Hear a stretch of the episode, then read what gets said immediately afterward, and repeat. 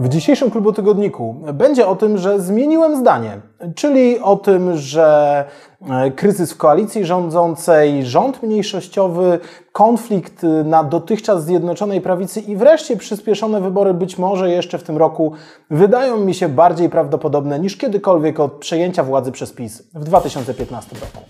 Zapraszam serdecznie. To jest Klubotygodnik, audycja Klubu Jagiellońskiego, w której Piotr Trudnowski i Andrzej Kochut komentują wydarzenia krajowe i międzynarodowe. Możesz ją oglądać na YouTubie, a od października także słuchać na dobrych platformach podcastowych i portalu klubjagielloński.pl. Klubotygodnik Trudnowskiego.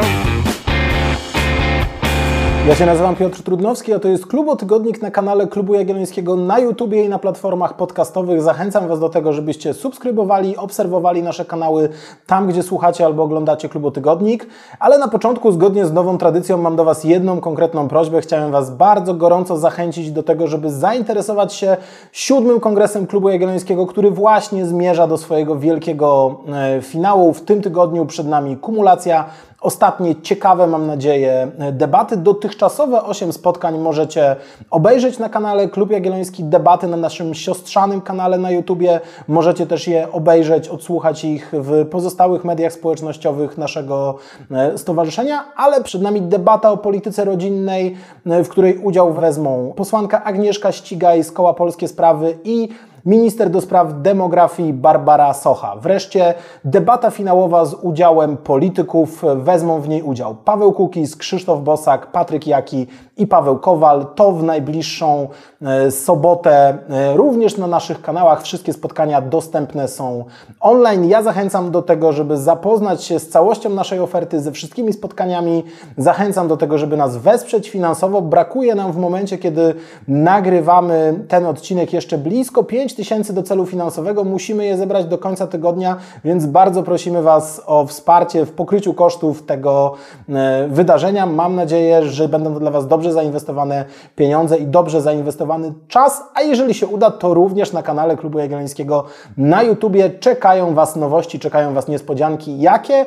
Żeby się tego dowiedzieć, zajrzyjcie na stronę naszej zbiórki. Tam w opisie czwartego progu naszej zbiórki wszystko jest precyzyjnie opisane. A teraz do rzeczy. Nie ukrywam, że chyba pierwszy raz od początku rządów Prawa i Sprawiedliwości mam naprawdę przekonanie, że polityczne przesilenie z daleko idącymi konsekwencjami e, jest naprawdę wysoce prawdopodobne. Wydaje mi się, że e, co najmniej jako prawdopodobny scenariusz przyspieszonych wyborów musi być dzisiaj postrzegany w partyjnej centrali przy ulicy Nowogrodzkiej. Nie mówię, że już zapadła decyzja, że to już jest oczywiste, ale mam wrażenie, że jest cały szereg przesłanek, które wskazują nam, że co najmniej ten scenariusz jest poważnie analizowany, niewykluczony i rządzący się do niego przygotowują jako jednej z opcji, która może się wydarzyć w efekcie e, najbliższych politycznych tarć. Dlatego zanim przejdę do moich wniosków i prognoz, chciałem Wam przedstawić krótkie kalendarium, w którym wskażę na główne przesłanki, które mnie do tego przekonują. Pierwsza przesłanka jest stricte formalna. 28 lutego kończy się okres, w którym w Polsce nie można było przeprowadzić wyborów oraz nie można było zarządzić skrócenia kadencji Sejmu. Przypomnijmy, polska konstytucja przewiduje, e, że nie można tych dwóch rzeczy, wyborów i skracania kadencji, przeprowadzić w czasie stanu wyjątkowego oraz 90 dni po jego obowiązywaniu. Stan e, wyjątkowy związany z sytuacją na wschodniej granicy, w tym pasie przygranicznym, trwał do 30 listopada, więc ten okres 90 dni kończy się właśnie wraz z końcem lutego i od 1 marca możemy na poważnie przygotowywać się do przyspieszonych wyborów. Możemy zarządzić skrócenie kadencji, gdyby taki wniosek się pojawił, musiałby być e, głosowany i to przynajmniej pozwala na to, by na poważnie o wyborach myśleć. Po drugie, mamy do czynienia ze swoistą ofensywą, jeśli chodzi o świadczenia, jeśli chodzi o świadczenia i obietnice dotyczące ważnych dla Prawa i Sprawiedliwości części elektoratu. Ale po kolei, zacznijmy od tego, co nowe. W minionym tygodniu premier Mateusz Morawiecki zapowiedział dwie rzeczy. Po pierwsze, zapowiedział, że. Że w tym roku także jesienią lub późnym latem emeryci otrzymają 14 emeryturę. I była to informacja zaskakująca, ponieważ wcześniej przedstawiciele rządu mówili, że 14 emerytura ma charakter jednorazowy, że nie jest stałym projektem. Kiedy pytali o to dziennikarze, otrzymywali właśnie taką odpowiedź, aż tu nagle ku zaskoczeniu wszystkich premier powiedział, 14 emerytalna jednak będzie. Po drugie, zapowiedział na tej samej konferencji prasowej waloryzację emerytur i to waloryzację, uwaga, rekordową, 7%. Nigdy wcześniej z roku na rok emerytur nie podnoszono w tak istotnym stopniu. A więc na początku roku po pierwsze emerytura bez podatku do 2,5 tysiąca złotych. Dzisiaj najwyższa w historii ostatnich przynajmniej 15 lat waloryzacja. Waloryzacja zdecydowanie o miliardy złotych przekraczająca to, co jest obowiązkowe w ustawie. 13 emerytura i 14 emerytura także do wypłacenia w tym roku. Jest to oczywiście związane z inflacją, ale na pewno będzie odczuwalne przez emerytów, czyli powiedzmy sobie szczerze, najważniejszą dla e, wyniku wyborczego Prawa i Sprawiedliwości grupę wyborców w Polsce. Po trzecie, to już sprawa, o której wiemy od dawna, czyli fakt, że e, w kwietniu ma być wypłacany, ma zacząć być e, wypłacany jeden z elementów Polskiego Ładu, o którym dotychczas mówiło się mniej niż o zmianach podatkowych, czyli tak zwane Rodzinny kapitał opiekuńczy. co ciekawe, te wypłaty, które mają być od kwietnia, one będą obowiązywały okres od początku roku, czyli od 1 e, stycznia, co w przypadku niektórych rodzin z dziećmi w wieku od roku do 3 lat może oznaczać nawet wypłatę jednorazową kwoty 4000 zł. Przyznacie, że to całkiem solidna wypłata, która może dla części być przekonująca, by pójść na wybory i odwdzięczyć się za taki prezent. Wreszcie rzecz czwarta to fakt, że obowiązuje cały czas tarcza antyinflacyjna. Częściej rozwiązań obowiązuje do końca pierwszego kwartału, być może zostanie przedłużona. Część obowiązuje do końca pierwszego półrocza.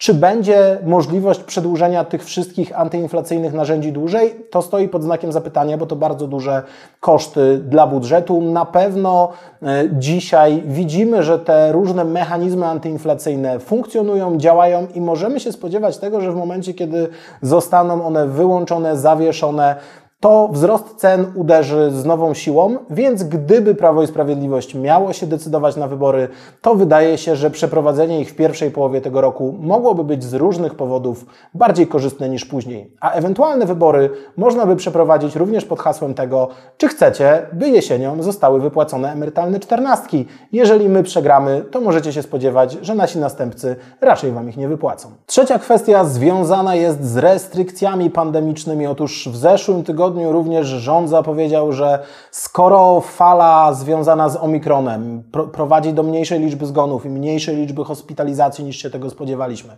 i skoro inne państwa zaczynają odchodzić od, od obostrzeń, to my również możemy zacząć łagodzić te zasady, które dotychczas obowiązywały. To, co najważniejsze, znalazło się wśród tych zapowiedzi, to fakt, że likwidujemy instytucję tak zwanej kwarantanny z kontaktu. Przede wszystkim będzie to miało znaczenie znowu dla rodziców, bo okazuje się, że kiedy kwarantanna będzie obowiązywała tylko domowników osób e, chorych, osób zakażonych, to nie będziemy mieli sytuacji związanej z zamykaniem szkół, wysyłaniem całych klas na kwarantannę. Powiedzmy sobie szczerze, to był ten element ograniczeń pandemicznych, który w ostatnich miesiącach był najbardziej dotkliwy dla Polaków. To, że mieliśmy e, setki tysięcy Polaków na kwarantannach, to, że dzieci musiały być w domu, uczestniczyć znowu w lekcjach zdalnych, że nigdy nie było wiadomo, czy w danym tygodniu dzieci będą chodziły do szkoły, czy nie. Dla wielu osób było najbardziej uciążliwym elementem elementem związanym z życiem w czasie pandemii. Od tego odchodzimy i trudno nie mieć wrażenia, że może to wpłynąć pozytywnie na nastroje społeczne i sprawić, że, o czym już kilka razy mówiłem, niebawem o epidemii w takiej codziennej debacie publicznej w naszym życiu bardzo będziemy chcieli zapomnieć, a takich systemowych, administracyjnych bodźców, by o niej pamiętać, będzie zgodnie z zapowiedziami jeszcze mniej. Argumenty czwarty i piąty dotyczą kwestii personalnych. Pierwsza sprawa to fakt, że Sejm wybrał Bogdana Święczkowskiego na sędziego Trybunału Konstytucyjnego. Bogdan Święczkowski to zastępca Zbigniewa Ziobry w prokuraturze generalnej, postać e, kontrowersyjna, postać kojarzona ze środowiskiem Solidarnej Polski, e, prokurator właśnie, wcześniej osoba również odpowiedzialna między innymi za pierwszych rządów PiSu, za Agencję Bezpieczeństwa e, Wewnętrznego, postać, która budzi duże emocje. Ostatecznie został Święczkowski wybrany, co chyba również nie bez znaczenia, wyjątkowo głosami narodowej części części Konfederacji. W tym głosowaniu Kukiz 15 nie poparło y, wniosku Prawa i Sprawiedliwości. Tę większość potrzebną do wyboru Święczkowskiego zapewnili właśnie narodowcy z Konfederacji. Krzysztof Bosak zapytany o to na Twitterze, dlaczego tak głosował, odpowiedział w następujący sposób. Aby orzekał zgodnie z moimi oczekiwaniami i powstrzymywał w ten sposób dążenia polityków o orientacji lewicowej, globalistycznej, antychrześcijańskiej, progresywnie liberalnej czy eurofederalistycznej od destrukcji wartościowych elementów polskiego ładu konstytucyjnego. To wsparcie narodowców z Konfederacji oznacza, że Prawo i Sprawiedliwość wybrało już wszystkich 15 sędziów Trybunału Konstytucyjnego, że tak się ten kalendarz ułożył, że mają wpływ na wszystkie osoby, które zostały do Trybunału wybrane w ciągu ostatnich sześciu lat. Co ciekawe, Bogdan Święczkowski będzie zasiadał w Trybunale Konstytucyjnym do początku kolejnej dekady, do 2031 roku. Przyznacie, że to naprawdę solidny wpływ na to, jak w przyszłości będzie orzekał Trybunał Konstytucyjny, a co więcej, może się okazać, że Bogdan Święczkowski będzie prezesem Trybunału Konstytucyjnego i to już całkiem e, niebawem, ponieważ trwa spór prawny o to, do kiedy trwać powinna kadencja aktualnej prezes Julii Przyłębskiej. E, część argumentów mocno przemawia za tym, że jej kadencja skończy się już w grudniu 2022 roku. Można założyć, że e, kandydatem na nowego prezesa mógłby być właśnie Święczkowski, a sam fakt, że są tam dwie takie osoby, e, i dwie możliwe interpretacje prawne z pewnością e, przyczyni się do tego, że wokół Trybunału Konstytucyjnego w 2020 roku, 2022 roku znów będzie głośno i pewnie pod koniec roku spór o tą prezesurę nas czeka i pewnie wtedy nazwisko Bogdana Święczkowskiego wróci do nagłówków gazet. Druga ważna kwestia, personalna kwestia związana z nominacjami na konstytucyjne stanowiska, to fakt, że pod koniec stycznia prezydent Andrzej Duda oficjalnie zgłosił kandydaturę Adama Glapińskiego na drugą kadencję w fotelu prezesa Narodowego Banku Polskiego. Pojawią się przed Państwem jako jastrząb. To na pewno ważna nominacja, ważne wydarzenie, w pewnym wymiarze również nieco zastanawiające. Dlaczego? Bo kadencja prezesa NBP kończy się dopiero w czerwcu tego roku. Można powiedzieć, że ta decyzja Andrzeja Dudy została przedstawiona ze sporym wyprzedzeniem. Być może właśnie y, miała y, stworzyć taką możliwość, by wybrać prezesa NBP wcześniej, Wydaje mi się, że dzisiaj tak naprawdę tylko od marszałek Sejmu zależy, kiedy ta kandydatura będzie głosowana i być może wydarzy się to na kilka miesięcy przed końcem kadencji. A oczywiście fotel prezesa NBP jest niezwykle ważny, niezwykle ważny szczególnie w tych czasach walki z inflacją, walki z kłopotami gospodarczymi po pandemii i gdyby się okazało, że ten fotel e, prezesa NBP będzie należał do nominata Prawa i Sprawiedliwości w sytuacji, kiedy na przykład władzę miałaby przejąć dzisiejsza opozycja, będzie to na pewno nominacja dużej wagi i z istotnym wpływem na sytuację gospodarczą Polski w najbliższych latach. W ogóle ja sam czasami sobie muszę patrzeć w lustro i, i uzmysłowić, jak Polska się zmieniła. Korzystnie. Kwestia szósta to fakt, że złożony został wniosek o powołanie komisji śledczej w sprawie tak, zwanego, tak zwanej komisji śledczej w sprawie Pegasusa, a tak naprawdę komisji śledczej, która ma badać kwestie przekraczania uprawnień przez służby od 2005 roku. Rozmawialiśmy o tym obszernie w poprzednim odcinku Klubu Tygodnika, gdzie rozmawiałem z Bartkiem Paszczą o różnych częściach e, sprawy Pegasusa. E, chwilę po tym, jak nagraliśmy odcinek, ostatecznie Paweł Kukiz dogadał dogadał się z opozycją, stanął na konferencji prasowej, chwilę później złożył wniosek.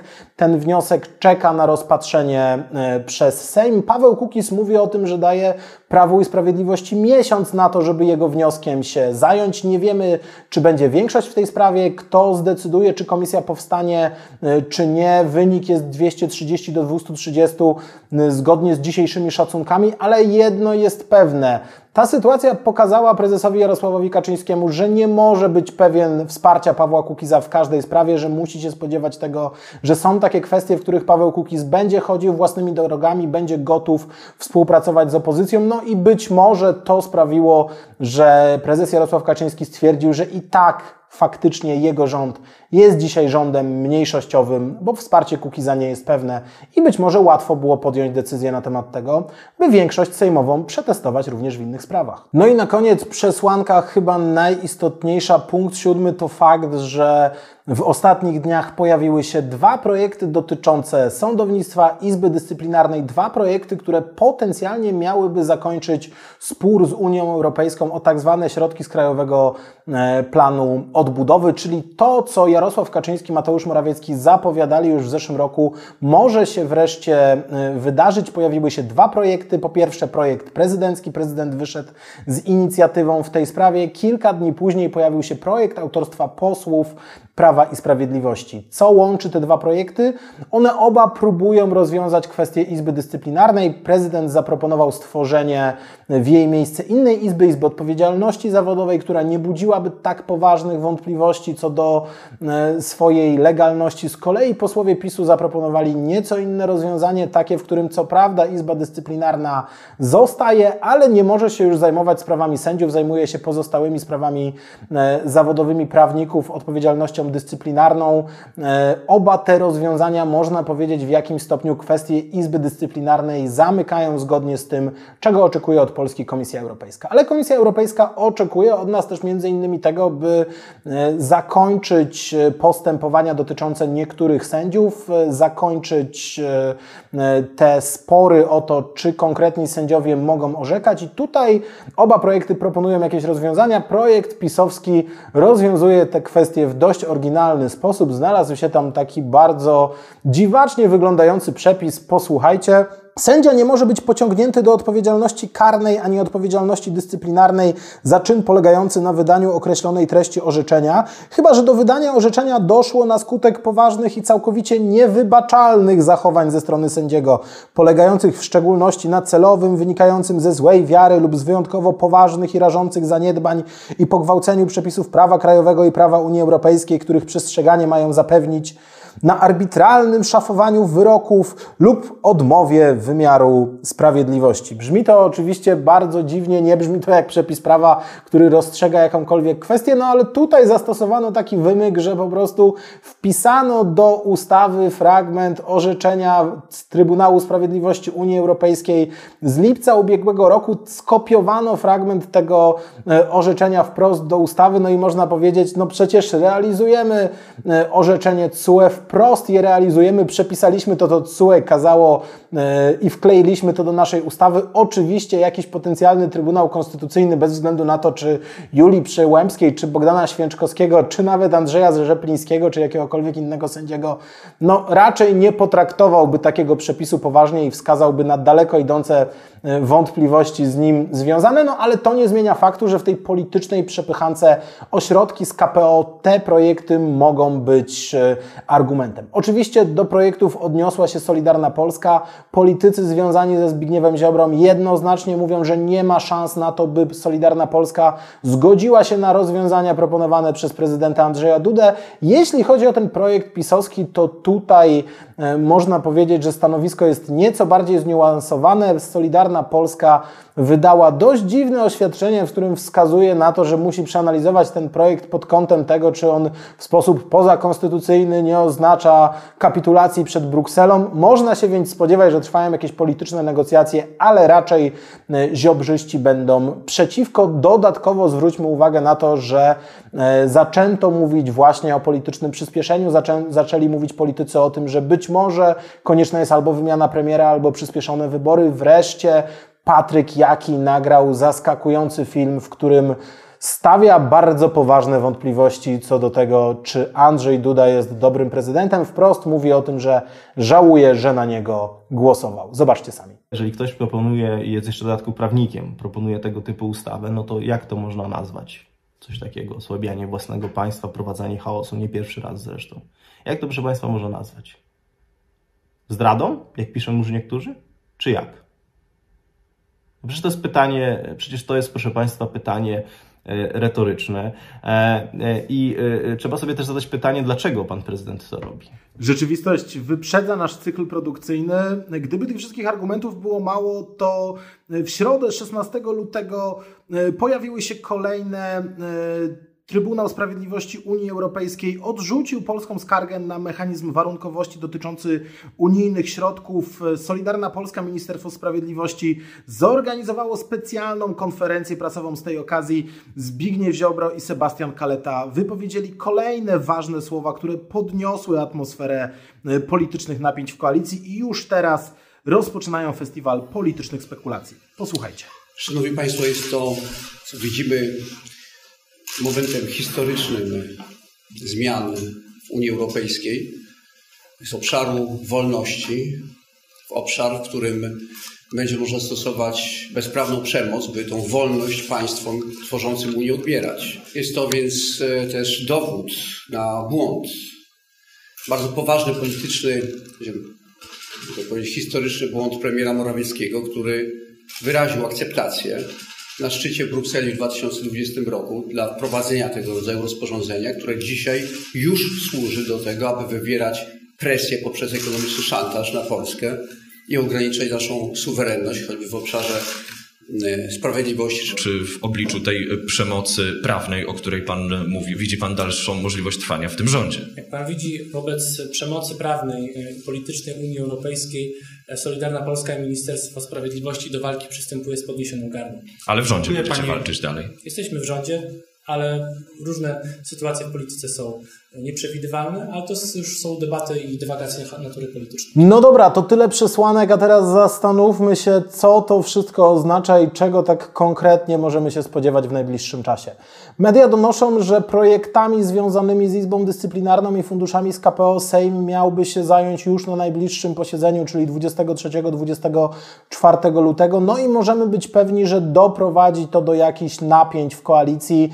Być może znajdzie się tutaj jakaś droga środka, znajdzie się jakieś porozumienie, znajdzie się jakiś projekt, y, który ostatecznie będzie rozwiązaniem pomiędzy tym prezydenckim a poselskim. Może dorzuci do tego coś Zbigniew Ziobro i porozumienie zostanie osiągnięte, ale najbardziej prawdopodobny wydaje się jednak taki scenariusz, w którym te ustawy zostaną przegłosowane. Prawo i Sprawiedliwość je przegłosuje przy sprzeciwie ziobrystów i wsparciu ze strony opozycji, która będzie argumentowała, że trzeba zakończyć konflikt z Brukselą, żeby odblokować pieniądze dla Polski. No i taka sytuacja będzie dla Zbigniewa Ziobry bardzo niekorzystna. On będzie musiał połknąć tę żabę, ona nie będzie łatwa do przełknięcia i możemy być pewni, że jeżeli PiS przegłosuje wbrew Ziobrze tak ważne regulacje dotyczące właśnie jego obszaru kompetencji, właśnie wymiaru sprawiedliwości, no to będą musiały wrócić bolesne dla Ziobry żarty o miękkiszonie. W negocjacjach nie można być za przeproszeniem miękkiszonem, trzeba być twardym. Dlatego trudno nie uznać, że to może być moment, w którym Ziobrze będzie opłacało się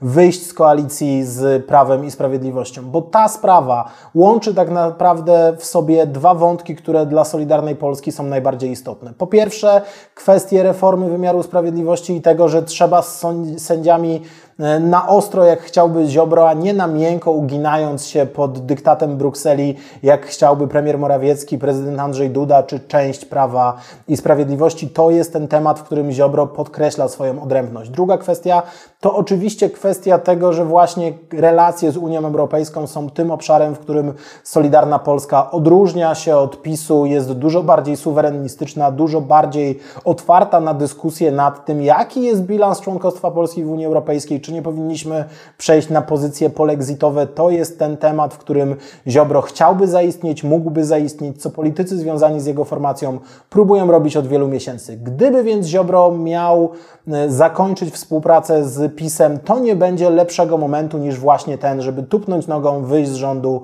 i powiedzieć, że Solidarna Polska rozpoczyna własną drogę. A ja uważam, że wcześniej czy później Solidarna Polska jest na to skazana, no bo jeżeli spojrzymy sobie na dzisiejsze sondaże i spojrzymy sobie na tą dynamikę od początku tej kadencji, to jednego Zbigniew Ziobro może być pewny. We współpracy z PiSem nie ma szans na tak dużą reprezentację swojego środowiska w kolejnej kadencji. Dzisiaj Zbigniew Ziobro dysponuje 19 posłami, mógłby założyć samodzielny klub w Sejmie, mógłby samodzielnie prowadzić e, politykę. No a co najmniej z dwóch powodów nie może liczyć na powtórzenie tej sytuacji. Po pierwsze, dlatego, że sondaże dla PiSu są dużo słabsze niż dotychczas i tak jak w poprzednich wyborach PiS zebrał 235 posłów, 235 mandatów zdobył, tak teraz specjaliści od sondaży szacują, że przy obecnym poparciu może liczyć na jakieś 180-190 posłów.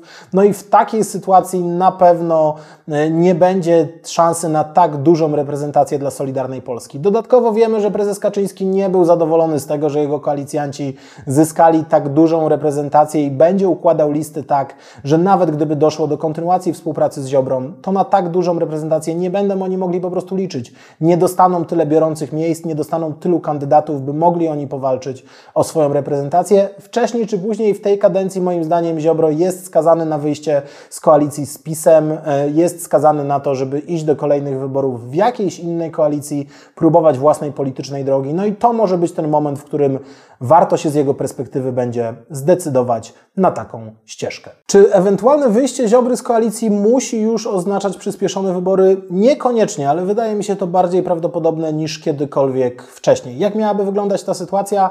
E, wydaje się, że po takim głosowaniu, w którym Solidarna Polska nie zagłosowałaby w sprawie Izby Dyscyplinarnej z PiSem, na pewno opozycja będzie próbowała przejść do e, inicjatywy, będzie próbowała uczynić jakąś kontrofensywę. Już po ostatnich kłopotach z głosowaniem w sprawie tak zwanego Lex Confident Donald Tusk mówił o tym, że trzeba sprawdzić, czy premier Morawiecki ma jeszcze większość w tym Sejmie. W takiej sytuacji na pewno mielibyśmy jakiś wniosek właśnie albo o skrócenie kadencji Sejmu, e, albo o konstruktywne wotum nieufności pojawiłaby się jakaś alternatywna kandydatura do premiera e, Morawieckiego, to oczywiście mogłoby sprawić, że będą tu jeszcze jakieś zamieszania wewnątrz obozu pisowskiego, że będą próby znalezienia jakiejś nowej równowagi w obozie rządzącym, no ale na pewno z taką inicjatywą będziemy mieli e, do czynienia. Gdyby doszło do głosowania wniosku o samorozwiązanie Sejmu, mogłoby się to wydarzyć na początku marca. Oznaczałoby to, że e, po ewentualnym przejściu takiego wniosku wybory byłyby zarządzone najpóźniej na 45 dni od samo od skrócenia kadencji, e, co oznacza, że byłaby bardzo krótka kampania i co bardzo ważne, bardzo krótki czas przygotowawczy. Mało czasu na zbiórkę podpisów, mało czasu na organizację sztabu wyborczego, mało czasu na negocjacje partyjne. To utrudniałoby życie życie e, zarówno Solidarnej Polsce, która nie jest pewnie dzisiaj gotowa na wybory, jak i utrudniałoby sytuację opozycji i można powiedzieć, że tak naprawdę takie przyspieszone wybory, gdyby pojawiła się taka atmosfera, pojawiły się takie okoliczności, byłyby na rękę Prawu i Sprawiedliwości i Platformie Obywatelskiej. A żeby przegłosować skrócenie kadencji, trzeba tak naprawdę współpracy tych dwóch partii, e, bo tylko one dają większość możliwą do skrócenia e, kadencji. Inny scenariusz wymagałby współpracy z PiSem wszystkich mniejszych formacji, a one tak naprawdę no, nie będą lgnęły do przyspieszonych wyborów.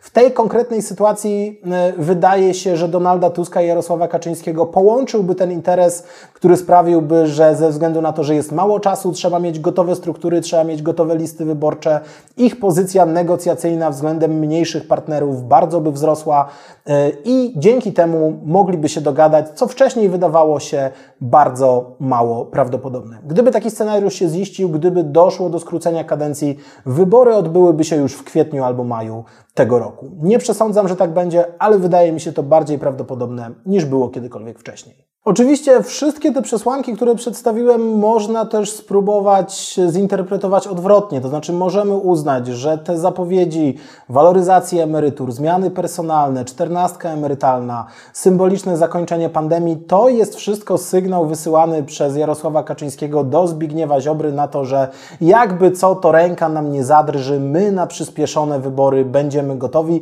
I taki sygnał, który ma go odwieść od jakichś gwałtownych ruchów w tej sprawie, od opuszczania koalicji koalicji e, ma go zachęcić do tego, by pogodził się z losem Miękiszona e, i zgodził się na to, że Prawo i Sprawiedliwość będzie prowadziło politykę w sprawie e, sądów w taki sposób, jak chce większa formacja koalicji rządzącej, a nie mniejszy koalicjant. Dodatkowo warto wziąć pod uwagę, że to najbliższe posiedzenie Sejmu, na którym potencjalnie mogą być głosowane ustawy sądowe, to też będzie moment, przed którym ostrzegają analitycy, moment, w którym właśnie w ostatnim tygodniu lutego ma dojść do jakiejś potencjalnej eskalacji sytuacji na wschodzie, może dojść do rosyjskiej agresji e, na Ukrainę. No i w takiej sytuacji znowu e, można powiedzieć, trudno będzie Ziobrze bardzo ostro fikać wobec Jarosława Kaczyńskiego. To może być taki sygnał, e, zobacz sobie koleżko, nam tutaj rosną sondaże, bo sytuacja się zdestabilizowała. Polacy jednoczą się wokół flagi, jak politolodzy nazywają ten moment, w którym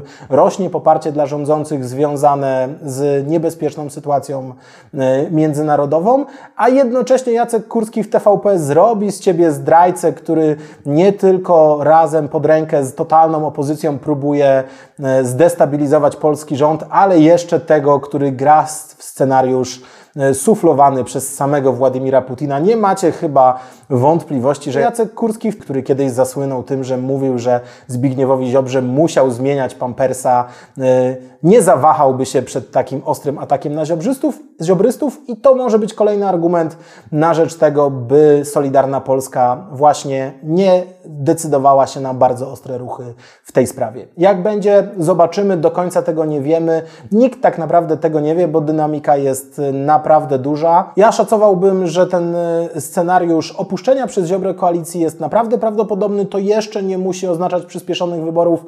Potrafię sobie wyobrazić taki scenariusz, w którym na przykład przez dłuższy czas będzie funkcjonował rząd mniejszościowy, uzasadniany właśnie tym, że mamy niespokojną sytuację na wschodzie i tutaj nie jest to dobry moment na wybory, że taki rząd mniejszościowy mógłby nawet rok jeszcze funkcjonować, ale wydaje mi się, że e, większość argumentów przekonuje nas do tego, że no właśnie ta stabilność rządu jest mniejsza niż kiedykolwiek i do jakiegoś przesilenia dojść musi. Zachęcam Was do tego, żeby obserwować więc wydarzenia w najbliższych dniach e, i tygodniach, o te scenariusze, o których dzisiaj mówiłem i o te napięcia w obozie rządzącym.